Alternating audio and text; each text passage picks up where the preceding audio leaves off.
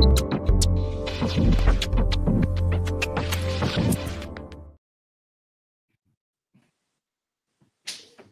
dobry. Witam Państwa serdecznie na kolejnym, tym razem wtorkowym wydaniu kwadransa z Europejskim Kongresem Finansowym. Nazywam się Leszek Pawłowicz, jestem koordynatorem Europejskiego Kongresu Finansowego. Witam gościa dzisiejszego kwadransa z EKF-em, pana Piotra Tomaszewskiego, prezesa Zarządu Bankowego Funduszu Gwarancyjnego. Chciałbym na samym początku panu prezesowi serdecznie podziękować.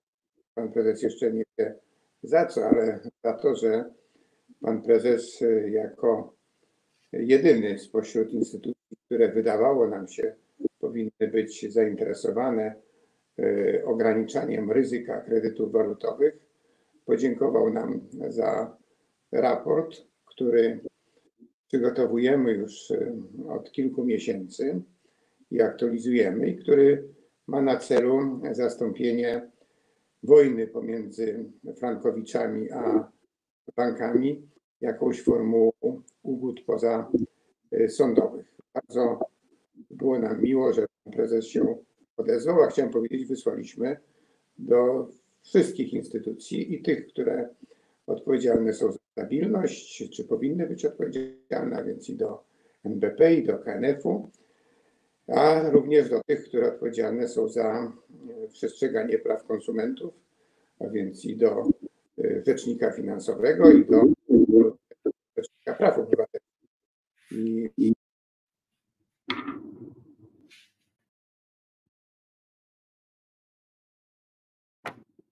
to jest taka fajna postawa obywatelska. Zapraszam zatem wszystkich do dzisiejszej rozmowy. Do rozmowy, która wiąże się z rolą Bankowego Funduszu Gwarancyjnego w zapewnianiu bezpieczeństwa sektora bankowego.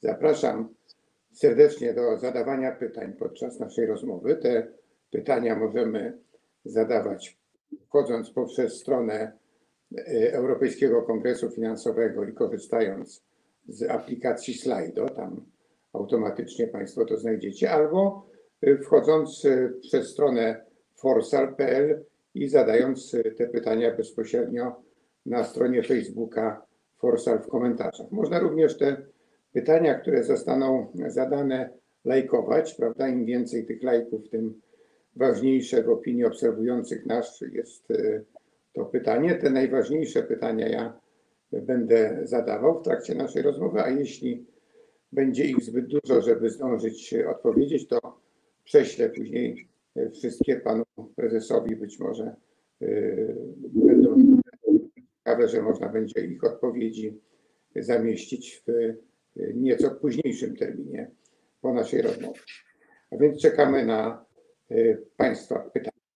Po pierwsze, chciałem zapytać pana prezesa o to, co wiąże się z dzisiejszą sytuacją i z mechanizmem takiego klasycznego kryzysu podażowo-popytowego, który w tej chwili mamy, który w sumie był oczekiwany, bo to nie jest tak, że nagle koronawirus go spowodował, on go pogłębił ale ten kryzys, czy na pewno mocne osłabienie koniunktury było spodziewane przez wielu makroekonomistów, bo po prostu to jest zgodne z cyklem koniunkturalnym rozwoju gospodarki. No i ten kryzys taki klasyczny, właśnie podażowo-popytowy, zawsze występuje w pewnej sekwencji, prawda? Zaczyna się od utraty płynności i niewypłacalności przedsiębiorstw, później następuje gwałtowny wzrost bezrobocia, ale później to się przekłada na duże ryzyko kredytowe, na niespłacalne kredyty i od przedsiębiorców, i od konsumentów, którzy stracili pracę i często mamy do czynienia z kryzysem bankowym. a ratowanie tego kryzysu bankowego y, pieniędzmi publicznymi często też doprowadza do y, kryzysu finansów publicznych, prawda, i do różnych katastrof na dużą skalę. No to w związku z tym, że ten mechanizm jest dość dobrze rozeznany i opisany już od lat 30. XX wieku, to też no, nie można e, zachowywać się tak jakby neutralnie wobec tych ryzyk, które być może wystąpią. I takim ryzykiem jest e, oczywiście ryzyko e, kryzysu bankowego. I chciałem się zapytać na początku, co może zrobić Bankowy Fundusz Gwarancyjny, żeby ograniczyć ryzyko kryzysu bankowego, panie prezesie? Okej. Okay. Dzień dobry Państwu, jeszcze raz dzień dobry Panie Profesorze dziękuję za zaproszenie do wywiadu. Mm, I odnosząc się do pytania, ja, ja trochę wrócę do historii, czyli 2008-2010.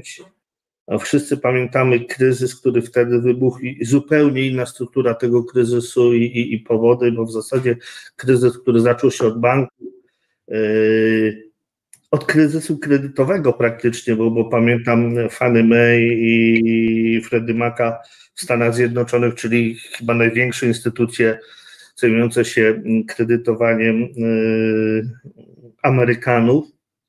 Upadek Lehman Brothers, Bear Stearns y, i później ten kryzys, który z instytucji finansowych rozlał się na całą gospodarkę światową gospodarkę i problemy, które my mieliśmy, ja wtedy pracowałem w banku komercyjnym, i problemy, które wtedy mieliśmy, nie wynikały z problemów tu lokalnej gospodarki, ale y, z problemów y, wygenerowanych gdzie indziej i na przykład w krajach matek banków, y, banków tutaj obecnych na polskim rynku bankowym.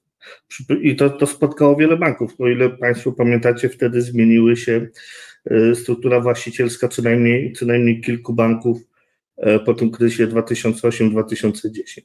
Ale wracając do pytania, i, i także źródło tego kryzysu jest zupełnie inne. Ten kryzys pochodzi od realnej gospodarki. Spowodowane to zostało no, nieprzewidzianą, mimo że pan profesor powiedział, że spodziewaliśmy się tego. Chyba nikt się mimo wszystko nie spodziewał E, sytuacją gospodarczą wskutek, wskutek pandemii.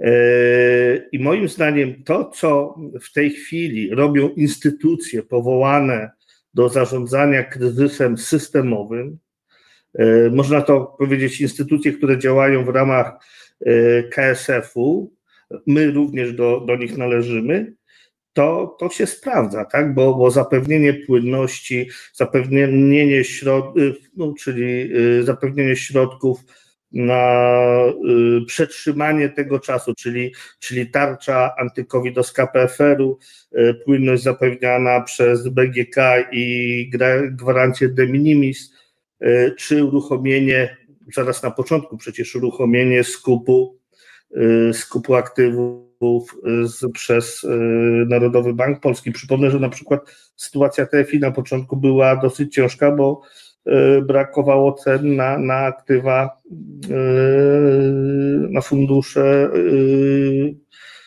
obligacji korporacyjnych. Trochę podobny, podobny układ, jak to było w 2009-2010 roku, kiedy black screeny zobaczyliśmy przy, przy wycenach bondowych. Y, bardzo wiele rzeczy się wydarzyło, począwszy od y, obniżenia stóp procentowych, poprzez, y, poprzez właśnie uruchomienie skupu aktywów, poprzez obniżenie czy do zera bufora mm, ryzyka systemowego dla banków. I to wszystko i pomoc dla przedsiębiorców, która w tej chwili płynie no, szerokim strumieniem, jest dystrybuowana przez banki, a, a, a źródłem pochodzenia środków to jest emisje mm, PFR-u, tak naprawdę pomaga również bankom. Więc y, moim zdaniem na dzisiaj y, trudno też powiedzieć, w jakim stopniu y, bieżący kryzys wpłynie na pozycję banków. Myślę, że banki antycypując wydarzenia po-covidowe y, tworzą w tej chwili dodatkowe rezerwy na, na odpisy kredytowe, ale y, tak naprawdę nie wiemy jeszcze, jak to będzie. Póki co, wszystkie dane pokazują, że no nie wiemy, czego się spodziewać, że jeszcze jest za wcześnie, żeby wnioskować. I na dzisiaj te wszystkie instytucje, które wymieniłem, uważam, że zareagowały, zareagowały właściwie. Przypomnę również pakiet instrumentów nadzorczych opracowany przez Komisję Nadzoru Finansowego.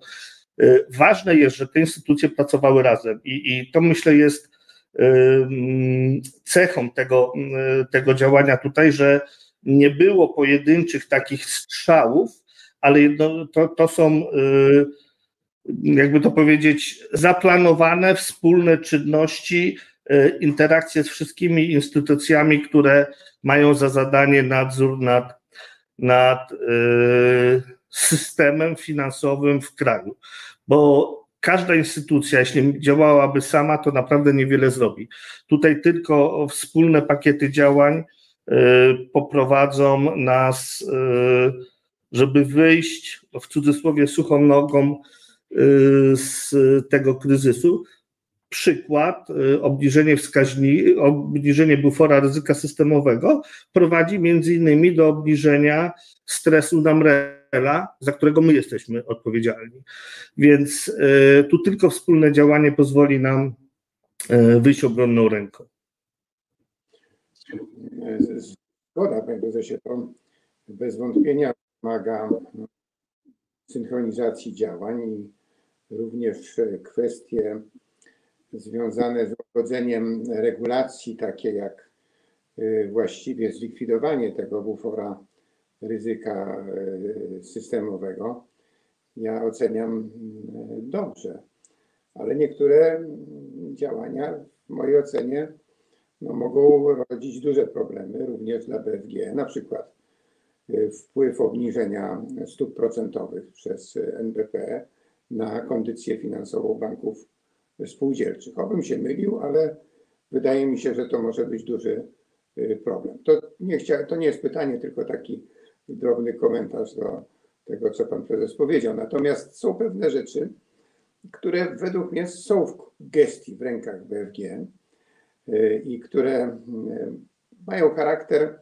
takich, bym powiedział, systemowych rozwiązań. One nie działają natychmiast, ale działają w sposób taki systemowo-instytucjonalny, racjonalny albo powodujący pokusę hazardu moralnego. I takim klasycznym przykładem jest kwestia tych składek, które płacą banki na Bankowy Fundusz Gwarancyjny, głównie składek na Fundusz Gwarancji Bankowych, ale nie tylko, który do niedawna w ogóle był niezależny od ryzyka, które poszczególne banki generowały. Teraz jest, ja nie mówię, że nie jest i to jest dobrze.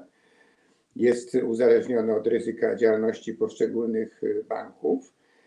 Prawdopodobnie ograniczy to trochę hazard moralny ze strony tych banków, które no powiedzmy sobie płaciły tyle samo, ale korzystały dużo więcej, na przykład z ochrony depozytów i windowały, będąc w sytuacji nie najlepszej,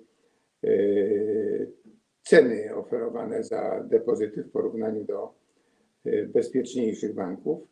I to uzależnienie od ryzyka, mnie się wydaje, jest bardzo fajne, że nastąpiło, ale jest coś takiego, co budzi mój taki jeszcze ciągle niepokój, że to jest tak jakby uzależnione od ryzyka ex post, prawda? Jeśli mamy przykład składki uzależnione między innymi od ryzyka portfela kredytowego, gdzie bierze się pod uwagę procent czy udział kredytów nieregularnych w portfelu, to to jest ex post. To jest coś takiego, co się stało, gdzie jest już w sprawozdaniach finansowych jasne, że za rok ubiegły czy za poprzednie lata ktoś tam no niezbyt frasobliwie udzielał tych kredytów i ich udział y, tych nieregularnych wzrósł. Prawda? Ale są pewne takie zjawiska, powiedziałbym o charakterze ogólnym, systemowym, które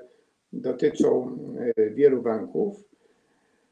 I one, y, no wiadomo, że gdzieś tam wybuchną, że to nie jest, że to jest coś, co się tworzy i dopiero y, ta bańka pęknie w przyszłości. Takim klasycznym dla mnie przykładem jest ryzyko y, kredytów walutowych, tych y, frankowiczów, prawda? I jeśli y, bym był na miejscu pana prezesa, to na przykład walczył o to, żeby obciążać te banki, które mają w portfelu kredytowym kredytów frankowych znacznie silniej niż te, które nie udzielały tych kredytów. Akurat mogę powiedzieć, no był taki bank, PKO SA, prawda? Prezesem wtedy był Jan Krzysztof Bielecki, który zdecydowanie nie udzielał y, kredytów y, frankowych, mimo że biznes na tym był naprawdę y, bardzo dobry. Wtedy byłem w Radzie Nadzorczej tego banku i obserwowałem, jak co miesiąc dostajemy raporty, jak bank traci rynek kredytów hipotecznych, ale mimo to nie udzielał kredytów frankowych. I teraz mnie się wydaje, że uzależnienie tak jakby tych składek, ja wiem, że to nie jest lekkie, prawda, że to nie jest lekki y, problem, od y, odpowiedzialności banków, nie tylko od tego, co się stało w przeszłości, wynika ze sprawozdań finansowych, ale również od tego, czy one oferują y, na przykład kredyty na stałą stopę procentową, czy nie. No bo ryzyko stopy procentowej wybuchnie po jakimś czasie, jak pan prezes dobrze wie, podobnie jak dzisiaj ryzyko kredytów walutowych. No i teraz, teraz czy coś można jeszcze zrobić w zakresie obarczania ryzykiem i większymi składkami na BFG tych, którzy to ryzyko e, generują w szczególności. Czy pan prezes widzi taką możliwość czy drogę na przyszłość. Jak to warto by było y, zmienić z punktu widzenia takiego systemowo-instytucjonalnego, prawda? Bo jeśli popatrzymy na przeszłość BFG, to w ogóle tego nie było i to jest to, co teraz jest, to jest duży krok naprzód według mnie. Y, panie profesorze, szanowni państwo, to jest tak, że mm, no oczywiście my poruszamy się y, w ramach y, i legislacji unijnej, dyrektywy unijnej i transpozycji prawa unijnego do, do prawa polskiego. I zmiana poziomu naliczania składek, metodologii naliczania składek nastąpiła y, właśnie w 2017 roku, w momencie, kiedy przyjęliśmy do naszej legislacji dyrektywę unijną. I ta dyrektywa pozwala nam przyjąć w zasadzie wskaźnik, yy, który może skorygować składkę od 25% w dół do 50% w górę yy, w zakresie takich lokalnych, lokalnych yy, czynników. I w sytuacji Polski, w sytuacji Bankowego Funduszu Gwarancyjnego, my przyjęliśmy dwa E, dwa te czynniki lokalne. Jednym z nich jest ocena BION, która dla nas jest niezwykle ważna, bo e, w zasadzie ona mówi e, o wszystkim w zakresie zarządzania, zarządzania bankiem. I druga rzecz, którą chcieliśmy, to jest właśnie udział kredytów w CHF-ach do, do kredytów mieszkaniowych Y, ogółem. I z tym, że i, i to jest tylko te, ten lokalny czynnik, który my możemy uwzględnić. Nie więcej niż 25% y, w korekcie całej składki.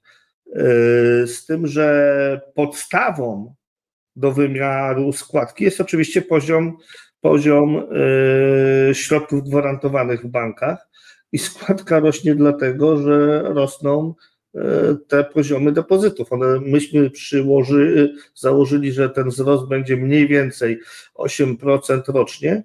On w ostatnich latach jest wyższy. Mm, zobaczymy, jak będzie w 2000 2020 roku, ale tutaj mamy taką też, bo, no, może nie niespodziewaną, ale takiego one-offa, który wskoczył, a mianowicie, że to, co powiedziałem na początku, mm, fundusze, mm, Towarzystwa Funduszy Inwestycyjnych, te bankowe, które, gdzie nastąpił na początku kryzysu pandemii masowy odpływ środków, kilkanaście chyba miliardów straciły te fundusze, to te środki zostały w bankach, więc w bank, bankom wzrosły tylko w przeciągu miesiąca depozyty gwarantowane dwukrotnie szybciej niż, niż w 2019 roku w analogicznym okresie. Więc jeśli te pieniądze nie wrócą, nie wrócą z powrotem do TFI, myślę, że jest na to szansa przy, przy odbiciu na, na rynku, szczególnie bondów korporacyjnych i, i niskich stopach procentowych, to znowu będzie wyższy wymiar do, wyższa podstawa do, do naliczenia składki. Ale absolutnie zgadzam się, powinniśmy uwzględniać te czynniki lokalne, czynniki związane z ryzykiem kredytów hipotecznych i robimy to. Czy w wystarczającej skali? No to jest kwestia w tej chwili dyskusyjna. Z tych 25% myśmy przypisali 15% na BION i 10% na, na kredyty, na kredyty y, właśnie w CHF-ach. Y, zgodnie, to oczywiście to, to nie jest nasz, że tak powiem, spod wielkiego palca y, jakiś szacunek. To przeszło przez cały proces zatwierdzania metodologii wyliczania, wyliczania składek. E, no i tyle chyba w tym musimy mieć świadomość, że to są, to, to jest nasz lokalna, lokalny problem, kredyty w, cechach, w CHF-ach, czy tam kredyty walutowe, mieszkaniowe kredyty walutowe. No, Węgrzy sobie z tym kilka lat temu poradzili inaczej, mm, więc trudno, aby ze względu na Polskę Komisja Europejska Mm, tutaj, czy tam może nie Komisja Europejska, tylko y, wytyczne EBY mm, jakoś były bardziej elastyczne, jeśli chodzi o sposób y, wyliczenia składki. Tkwimy y, w tej, w tej regulacji europejskiej i, i staramy się staramy się w tym jakoś znaleźć. Problem jest też, że my musimy osiągnąć ten poziom. My mamy w naszej lokalnej legislacji określony minimalny, minimalny poziom 2,6% wszystkich środków gwarantowanych. Daliśmy sobie czas do końca 2030 roku, żeby osiągnąć taki poziom y, w funduszach. Y, przy minimalnym na, na poziomie unijnym 0,8%. Y, więc jeszcze mamy 10 lat, żeby, żeby ten mm, wskaźnik osiągnąć i w zasadzie wysokość corocznej składki jest wypadkową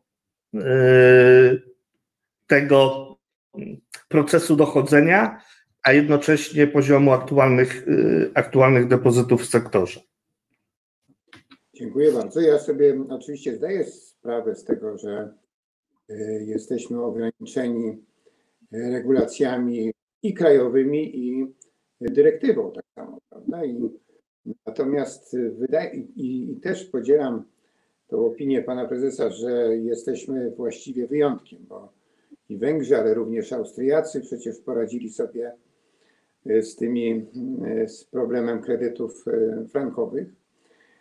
Ale wydaje mi się, że warto spróbować wyjść z inicjatywą, prawda? I powiedzieć, no, proponujemy, no pamiętacie, że problem dotyczył większej ilości krajów, teraz dotyczy Polski, ale proponujemy, żebyście zrobili jakiś wyłom w regulacjach europejskich, biorąc pod uwagę e, jednolity rynek finansowy w Unii Europejskiej i e, również naszą, bo to, że nasza pozycja, nasza propozycja nie uzyska akceptacji, to tak może być, ale powalczyć, bym chyba powalczył. Jeśli my jako Europejski Kongres Finansowy możemy w tej walce pomóc, to chętnie to zrobimy. My dość często zajmujemy jako Europejski Kongres Finansowy stanowiska w różnych kwestiach związanych z budową jednolitego rynku finansowego i jeśli moglibyśmy się do czegoś przydać, to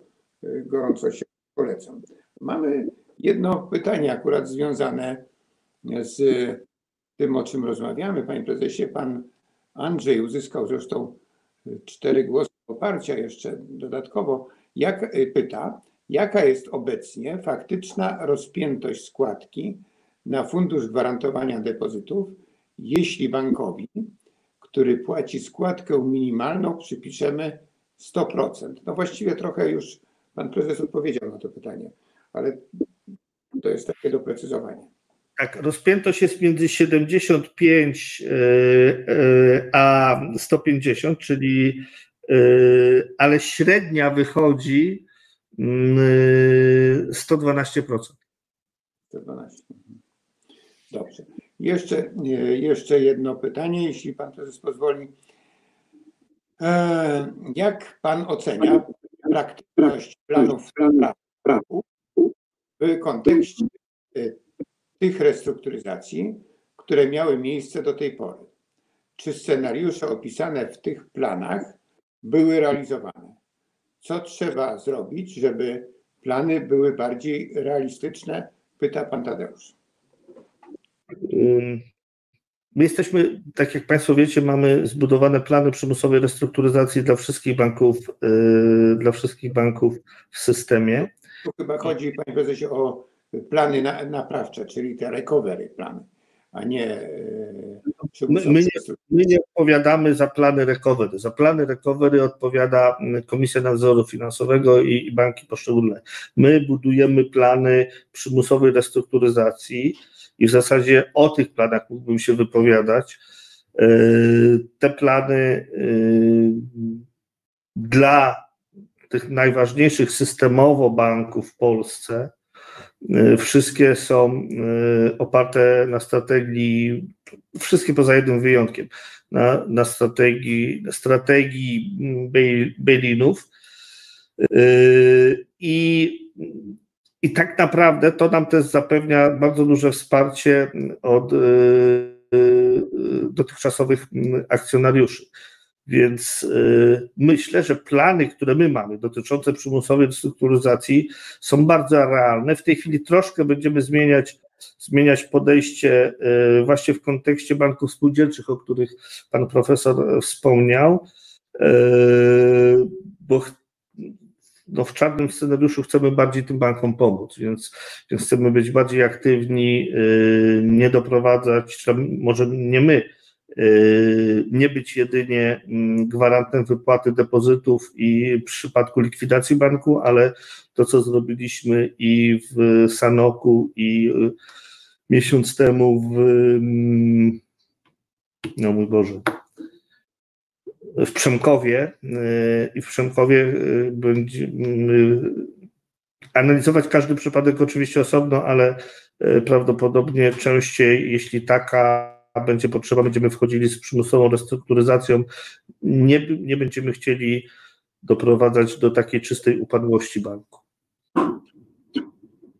Dziękuję serdecznie. Też jest podobne e, pytanie związane z tą tematyką, o której teraz pan prezes wspomniał. E, pytanie zadaje pan Adam. Czy konieczność spełnienia wymogów MREL przyczyni się do wzrostu stabilności sektora bankowego w Polsce? Pan prezes wspomniał o tym. Niewątpliwie, to, to mogę powiedzieć, że niewątpliwie tak, jesteśmy na początku tej drogi. Wyliczamy MREL dla praktycznie dla wszystkich banków, dla wszystkich banków Polski. Zresztą tak jak to się dzieje w, w Europie. I co nam daje MREL? No, MREL jest instrumentem kapitałowym, który w czarnym scenariuszu w pierwszym kolejności pokrywa lukę kapitałową. Yy, więc no ja, ja, jestem wielkim fanem MREL-a i, i, i tego, żeby to nie było tylko zobowiązanie na papierze. Yy, ten rok jest szczególny, bo, bo my wyznaczając ścieżkę MREL-a, odpuści, może nie odpuściliśmy, ale powiedzieliśmy, że będziemy deklaratywnie patrzeć tylko na 2020 rok w zakresie budowania MREL-a, bo, bo ta ścieżka zakłada osiągnięcie poszczególnych poziomów w poszczególnych latach, aż do wartości docelowej 2024. Więc tak, uważam, że MREL przyczyni się do stabilności tutaj naszego lokalnego systemu bankowego. Znaczy, może tak. Cenię sobie zdanie pana prezesa, ale mam troszeczkę inne, prawda, w tym zakresie. I, i mnie się wydaje, że wymogi Mrela i ta koncepcja ona by, one były budowane na bazie różnych opinii, również banków, które nie miały takiej struktury pasywów jak banki polskie, które opierają się głównie na depozytach i osadzie we wkładach krótkoterminowych, pasywach, które miały wiele innych instrumentów i gdzie wprowadzenie koncepcji bail-in, prawda, i związanych z tą koncepcją tych obligacji nazywanych COCO bonds, prawda, czyli tych convertible contingency bonds, czyli tych, które na wypadek kryzysu w banku można byłoby zamienić na przykład na akcje, prawda, tych zobowiązań to, to to jest ścieżka taka, bym powiedział, kryzysowa. Rzeczywiście, jak już jest nóż na gardle, no to wtedy robimy resolution i wtedy musimy mieć jakieś instrumenty, które do tego się nadają. I to na pewno jest prostabilnościowe, ale w sytuacji kryzysowej, prawda? Natomiast jest sytuacja, powiedzmy sobie, którą można nazwać przedkryzysowa, normalna. To znaczy normalna to przedkryzysowa, prawda? I w tej sytuacji przedkryzysowej, mnie się wydaje, warto by było patrzeć na stabilność przez wydłużenie tych pasywów. A najprostszą drogą wydłużenia pasywów w polskich bankach jest emisja listów zastawnych. Ale listy zastawne są instrumentami zabezpieczonymi, nie nadają się do formuły bail-in, prawda? A zatem jest pewien konflikt, prawda, pomiędzy takim działaniem prostabilnościowym, które tak jakby no, stymulowałoby y, emisję obligacji zabezpieczonych, na przykład listów zastawnych, uważam, że w szczególności listów zastawnych, a emisją obligatoryjną wynikającą z MREL-a y, obligacji niezabezpieczonych na przykład, prawda? I dlatego tu mam tak bardzo mieszane uczucia, czy takie wdrażanie y, MREL-a wprost y, dałoby efekt może dać czasem odwrotny do zamierzonego, bo może hamować na przykład chęci banków związane z emisją listów zastawnych. No trudno się nie zgodzić z panem profesorem. Ja, ja jestem fanem MREL-a, ale MREL to prawda, jest przewidziany na sytuację kryzysową. I do, tylko trzeba też wrócić do ustawy. Bankowy Fundusz Gwarancyjny został, jest przewidziany do działania w sytuacjach kryzysowych. I to nie w sytuacjach kryzysowych w systemie, tylko w sytuacjach kryzysowych pojedynczych podmiotów. Yy, zgodnie z regulacją europejską, no, tym narzędziem, które by, e, instrumentem, który by e, nas wspierał w procesach restrukturyzacji, przymusowej restrukturyzacji, są, są e, papiery oparte na, czy tam na MREL-u. Tu nie ma między nami niezgodności, panie profesorze, bo ja muszę powiedzieć, że jestem wielkim fanem listów zastawnych, a przez ostatnich kilka lat pracowałem właśnie w tym biznesie inwestycyjnym i, I bardzo żałuję, zresztą jakieś 2-3 miesiące temu było spotkanie u pana prezydenta poświęcone listom zastawnym, dlaczego ten rynek u nas się nie rozwija. I ja bardzo żałuję, że ten rynek u nas się nie rozwinął.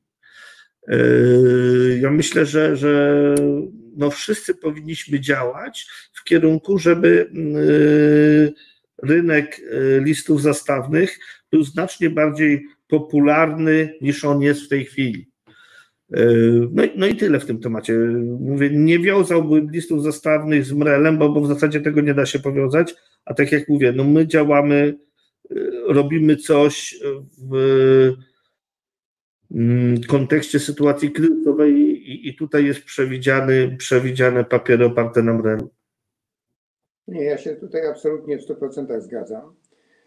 Myślę tylko, że pewne działania, jak pan prezes wcześniej wspomniał, warto synchronizować. Ja na przykład y, dobrze oceniam decyzję dotyczącą y, zdjęcia tego bufora ryzyka systemowego w obecnej sytuacji, ale jeśli bym chciał tak systemowo, to bym zdjął bufor ryzyka systemowego tylko w tych bankach, na przykład, które emitują listy zastawne powyżej jakiegoś tam poziomu, prawda? Bo one właśnie to jakieś zachęty trzeba również dawać, prawda? Niekoniecznie oczywiście takie y, karne, prawda? Mogą być zachęty w postaci różnych nagród, bonusów, prawda? To, to tak na marginesie, prawda? Na razie przestanę ja zadawać. Nie wiem, czy to tak można, bo tak jak pan profesor opowiada, y, proponuje, to myślę, że do tego jest bufor add-on i, i, I niektóre banki mają nałożony, niektóre nie. I on jest praktycznie bezpośrednio związany z zaangażowaniem w kredyty hipoteczne, no, w walutowe kredyty hipoteczne. Więc e, tu, gdy sytuacja jakiegoś banku poprawia się, czy, czy pogarsza w tym zakresie, to jest regulowane tym buforem add-on. Zgoda, zgoda.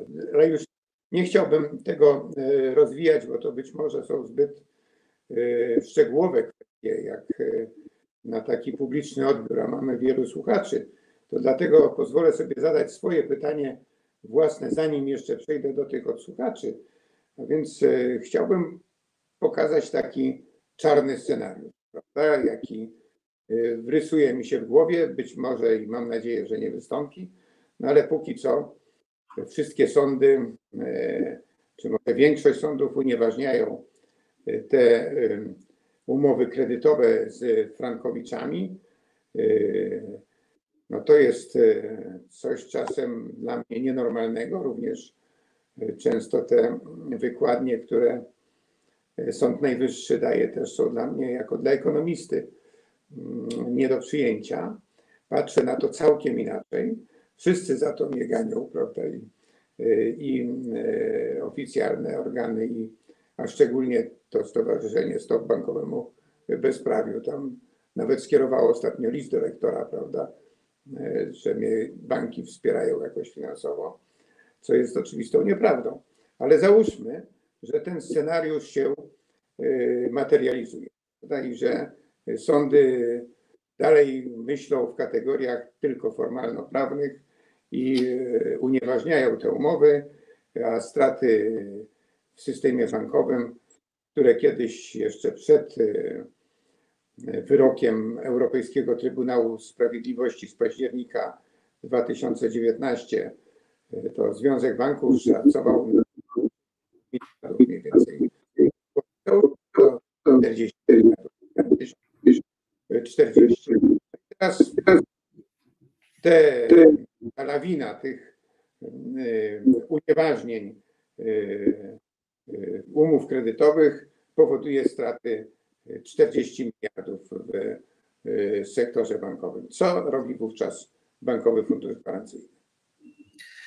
Dobrze, to, to y, po kolei uporządkujmy nie to, że wypowiedź pana profesora była nie, nieuporządkowana. Ja, ja również jestem trochę zdziwiony czy propozycjami, czy niektórymi wyrokami, ale, ale staram się tych wyroków nie komentować. Ale uczyłem się ekonomii na tej samej uczelni, co pan profesor, i yy, to i tak mnie nauczono, że do określonej waluty są przypisane kurs i, stopa procentowa, więc jakoś trudno mieszać inną walutę ze stopą jej nieprzypisaną, czy, czy z kursem innym, z kursem wymiany. Więc Więc to jest pierwsze. Może to Dru- Druga rzecz, ja przypomnę, fundusz BFG sprawuje nadzór nad w zasadzie działalnością banków w zakresie gwarantowania, gwarantowania depozytów i prowadzenia przymusowej restrukturyzacji.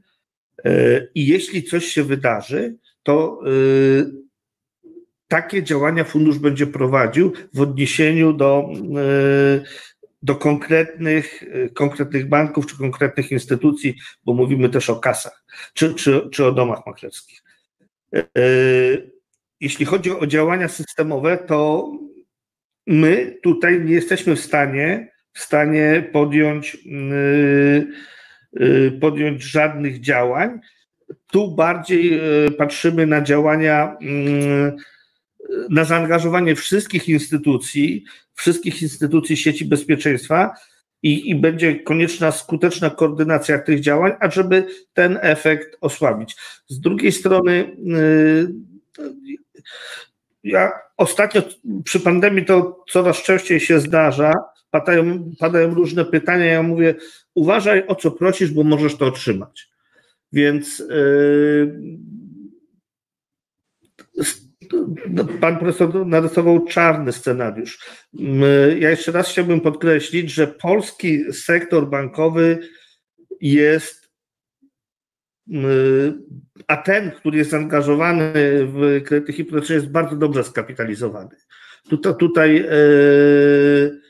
nie mamy jakiegoś w tej chwili problemu z, z kapitałami, co się z współczynnikami wypłacalności, z, z TCR-em czy, czy CET1. Wręcz, wręcz jest nadpłynność tego sektora i, i te kapitały są, tak jak powiedziałem, wysokie. Tak, również powiem to, co wcześniej mówiłem.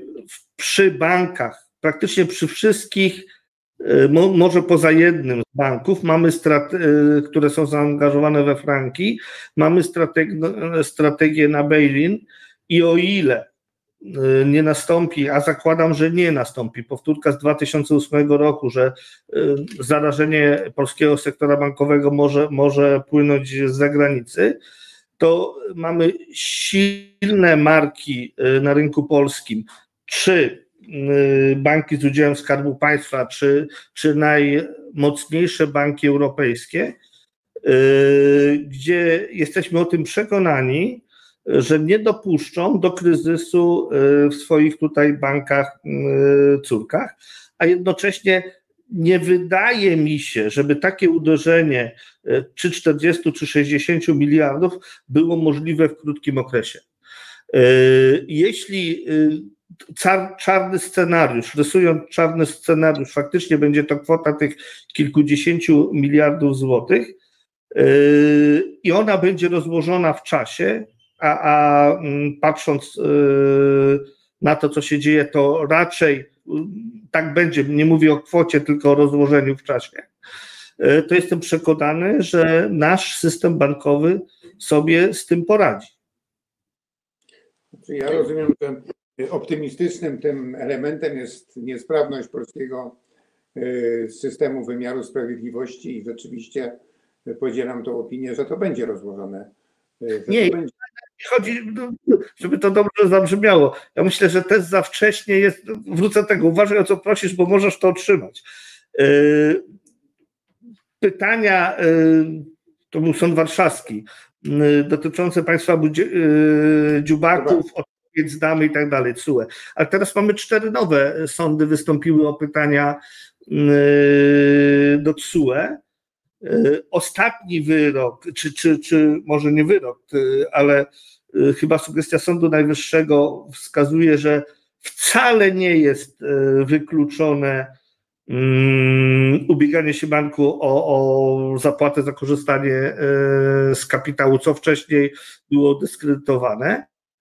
Więc y, no poczekajmy, poczekajmy na odpowiedź SUE, poczekajmy jak y, krajowe sądy będą y, stosowały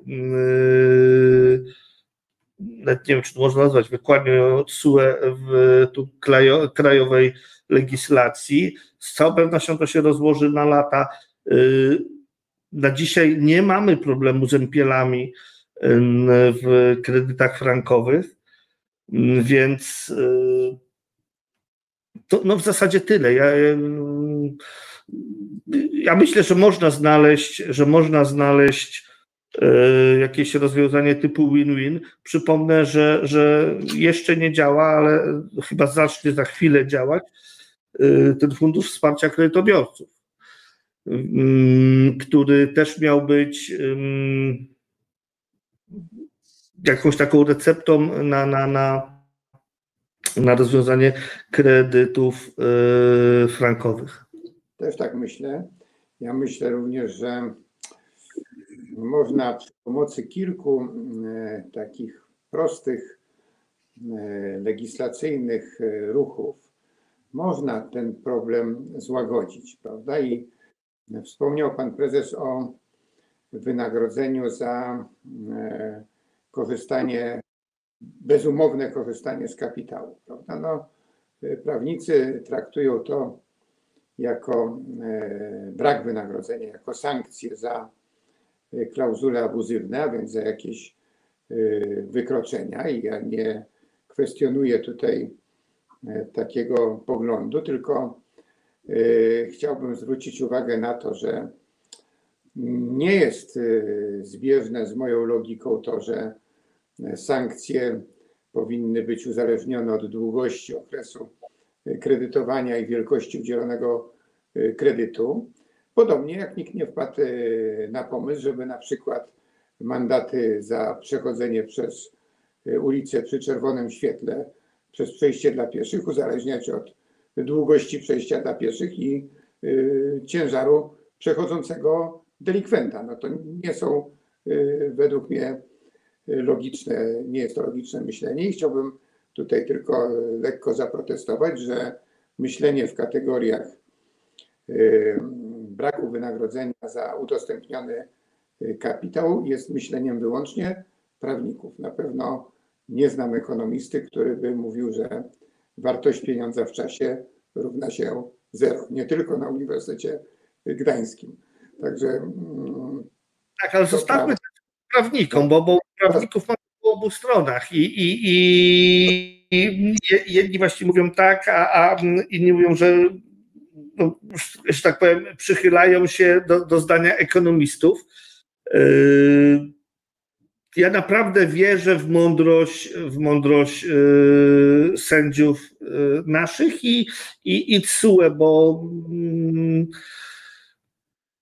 to wszystko powinno być logiczne. Ja, ja jednocześnie też chcę powiedzieć, że no zwróćmy uwagę, że na razie TSUE wypowiedziało się, yy, chyba sądy krajowe też w większości, jeśli chodzi o kredyty indeksowane. Yy, my mamy yy, w portfelach yy, chyba większy odsetek kredytów denominowanych. I tak naprawdę yy, czy w kredytach denominowanych używane były klauzule mm, abuzywne? Nie wiem. Do, do, tej pory, do tej pory tej odpowiedzi nie uzyskaliśmy. Sam jestem ciekaw tych czterech odpowiedzi, znaczy tych odpowiedzi na, na, na cztery pytania kolejnych sądów. Myślę, że one dużo, dużo nam rozjaśnią. Trochę martwi takie, takie formalno-prawne myślenie jest ok, prawda, ale też, żebyśmy zachowali w tym wszystkim zdrowy rozsądek i żeby nie wyszło na to, że to y, hazard moralny jest w wykonaniu y, kredytobiorców w tej chwili. Panie prezesie, chciałem y, powiedzieć tak, że jeszcze raz chciałem serdecznie podziękować za tych kilka miłych słów pod adresem naszego raportu. Chciałem również powiedzieć, że kilku sędziów, którzy dostali ten raport również nam miło podziękowało i ten raport jest u nas dostępny na stronie Europejskiego Kongresu Finansowego i każdy, kto będzie chciał dostać drogą elektroniczną, y, oczywiście go natychmiast dostanie, jeśli wpisze swój adres y, mailowy. Ja y, dziękuję na dzisiaj bardzo. Niestety nie zdążymy, bo już z kwadransa się zrobiło trzy kwadranse, nie zdążymy dzisiaj tych wszystkich pytań ogarnąć. Ja prześlę panu prezesowi, potem może je wywiesimy ewentualnie na naszej stronie. Chciałem serdecznie podziękować wszystkim Państwu za udział w dzisiejszym y, kwadransie ZF.